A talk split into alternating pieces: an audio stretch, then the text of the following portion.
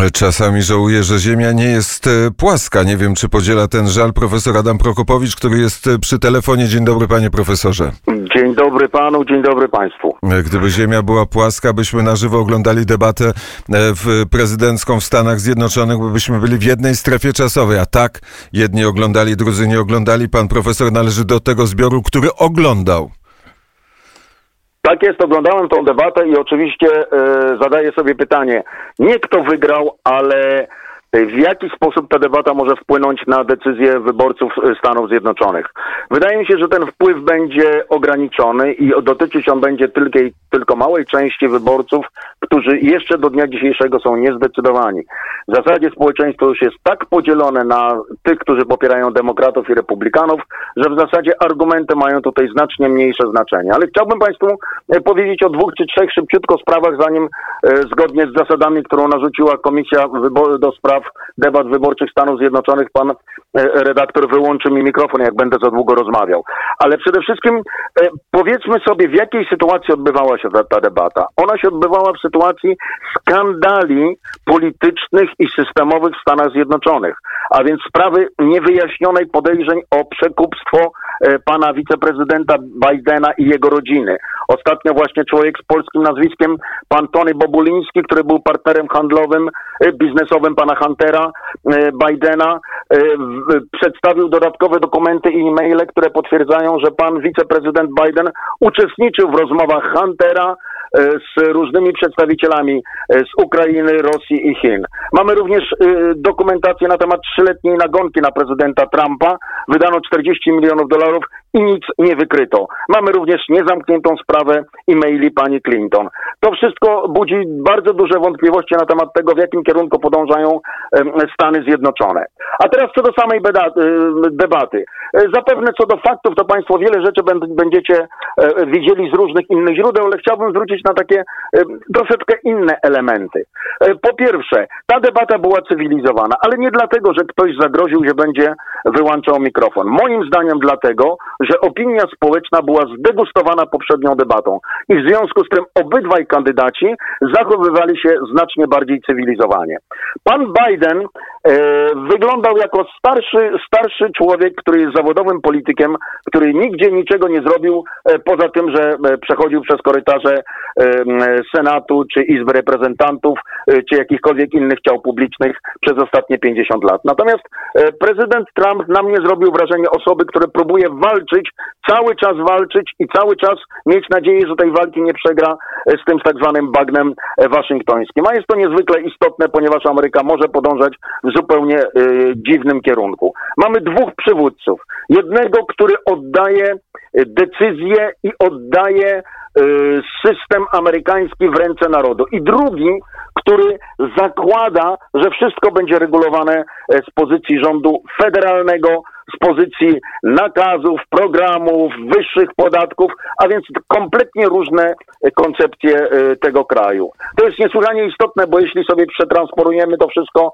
e, na to, co się dzieje w Europie, to chyba możemy się w wielu wypadkach zastanowić nad jakimiś podobieństwami e, na kontynencie europejskim.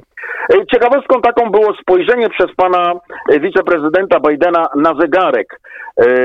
To jest kolosalny błąd. Ja przypomnieć chciałbym, że to samo zrobił starszy pan Bush w czasie debaty e, z Clintonem oraz Russem Perot e, co spowodowało bardzo negatywne opinie wśród społeczeństwa amerykańskiego, dlatego że po prostu wyczuto, że nie ma wiele do powiedzenia, że jest zmęczony debatą i że jest nie, nie tak naprawdę niezainteresowany tym, o czym mówi. I tak rzeczywiście stało się z panem wiceprezydentem Bidena. Od tego momentu, to jest mniej więcej 60% debaty, kiedy spojrzał sobie na ten zegarek, zaczynał się gubić w tym, o czym mówił.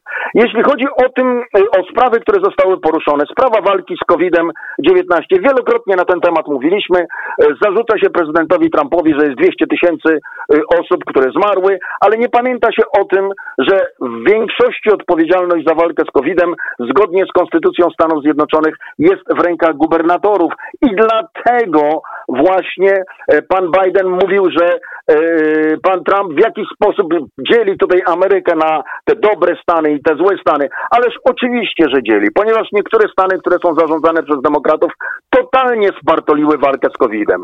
Natomiast z drugiej strony, powiedzmy sobie uczciwie, to co zgodnie z konstytucją może zrobić prezydent Stanów Zjednoczonych, to znaczy szpitale wojskowe, to znaczy spowodowanie, żeby przemysł amerykański produkował wentylatory czy jakiekolwiek inne urządzenia, które pomagają w walce z y, tym wirusem, czy żeby produkowały e, szczepionki. To wszystko zostało przez administrację pana Trumpa zrobione. Druga sprawa. Pytanie, czy zamykać gospodarkę, czy jej nie zamykać. Trump stoi na jednoznacznym stanowisku. My z tym wirusem musimy walczyć.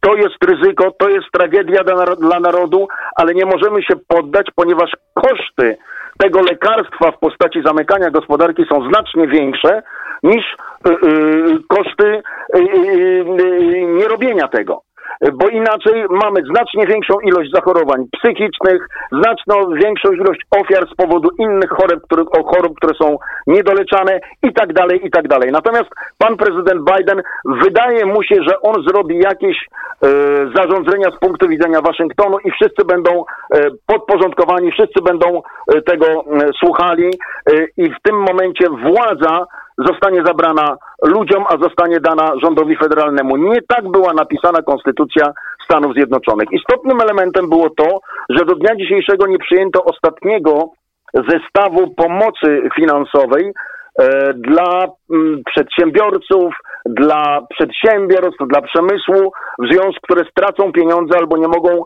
prowadzić działalności w związku z COVID-em. Tutaj też jest e, zupełnie inna perspektywa. Trump twierdzi, ja te pieniądze chcę dać, ja nawet chcę dać więcej niż proponują demokraci, ale nie będę dawał pieniędzy na to, żeby ratować te stany, które zawaliły swoje finanse publiczne. W związku z tym o to idzie kolosalna walka, ale również walka idzie o to, żeby tego nie zrobić przed wyborami. Żeby można było wskazać palcem, że to właśnie Trump nie dał ludziom pieniędzy, które dają e, im możliwość wyjścia z tego kryzysu. Z moich informacji, z tego co obserwuję w Stanach Zjednoczonych, przedsiębiorcy amerykańscy na to nie mogą się złapać. Tragiczną y, informacją było to, co powiedział pan Biden, że on pierwszym dniu swojego rządu da obywatelstwo 11 milionom nielegalnych obcych e, znajdujących się na terenie Stanów Zjednoczonych. Tak na marginesie tych nielegalnych w moim przekonaniu jest około 35 milionów, a więc plus minus co ósmy, dziesiąty e, człowiek spotykany w Stanach Zjednoczonych jest na terenie tego kraju nielegalnie. E, to jest e, absolutnie przerażające dla większości elektoratu republikańskiego i części elektoratu demokratycznego. W moim przekonaniu jest to kolosalny błąd, który popełnił pan wiceprezydent Biden, mówiąc o tego rodzaju decyzji. Mówiono również o odseparowaniu dzieci od rodziców i o przetrzymywaniu tych dzieci w klatkach. No to już jest tak kolosalna bzdura, że naprawdę nie wiadomo, co na to odpowiedzieć. Rzeczywiście jest pewna ilość dzieci, które są wykorzystywane w tej całym systemie nielegalnej imigracji. Te dzieci nie są tam z rodzicami, są z osobami, które są z nimi w ogóle niezwiązane. W związku z tym muszą być od tych osób odseparowanych. To jest w tej chwili 537 dzieci, dla których nie można znaleźć rodziców, ponieważ ci rodzice z nimi tam nie przyjechali. No ale oczywiście gramy na uczuciach elektoratu, gramy na uczuciach y, ludzi i to jest jedna wielka y, nieprawda. Ale to nam również wskazuje na tym, że te wszystkie problemy imigracyjne y, i w Stanach Zjednoczonych, jak również w Europie musimy w sposób odpowiedzialny kształtować.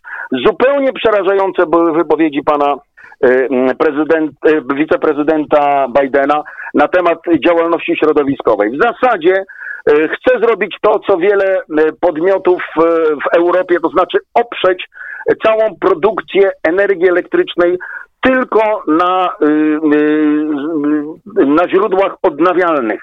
Na dzień dzisiejszy, co wskazał prezydent Trump, to należy robić, ale trzeba pamiętać o tym, że zarówno woltajki, jak i wiatraki nie są jeszcze wydajnymi, y, wydajnymi sposobami produkcji energii elektrycznej i są droższe. I w związku z tym, tak jak na przykład w Wielkiej Brytanii, o czym mówiliśmy poprzednio, ceny tej energii mogłyby bardzo wzrosnąć. E, W związku z tym nie zamierza prezydent Trump rezygnować z dalszego wykorzystywania ropy naftowej i gazu, natomiast e, pan wiceprezydent e, Biden jednocześnie powiedział, że w ten czy w inny sposób będzie to ograniczał. No to jest niesłychanie ważna wiadomość dla całego południa Stanów Zjednoczonych oraz Alaski, tam gdzie gospodarka y, opiera się y, na właśnie tego rodzaju działalności. Panie mówi- profesorze. Tak, mamy mało czasu, wyłączany mi jest mikrofon, tak czy inaczej, nie wiadomo kto zwyciężył, bo to nie jest ważne. Dopiero będziemy wiedzieli po 3 e, listopada, kto zwyciężył, to znaczy będzie to ważne, w jaki sposób na tą debatę zareagują wyborcy. A my, Dziękuję. A my wnet usłyszymy na antenie Radia Wnet y, profesora Adama Prokopowicza. Bardzo serdecznie dziękuję za rozmowę. Wszystkiego najlepszego dla wszystkich. Do widzenia. E, Dużo energii ma e, pan profesor, mimo tego, że w nocy nie spał, bo oglądał debatę e, Trumpa z Bidenem. My też przypatrujemy się temu, co dzieje się na, na Białorusi. Tam w niedzielę kolejny dzień demonstracji. Łukaszenko zapowiedział, że rozprawi się z demonstrantami. Upływa termin ultimatum, które dostał Łukaszenko na to, żeby rozpisać nowy termin wyborów. Jest zapowiedź strajku generalnego. Jak to się potoczy, nie wiemy, ale wiemy, że za chwilę w poranku wnet e, posłuchamy piosenki o e, trzech żółwiach, a to a propos tego, że Ziemia jest płaska.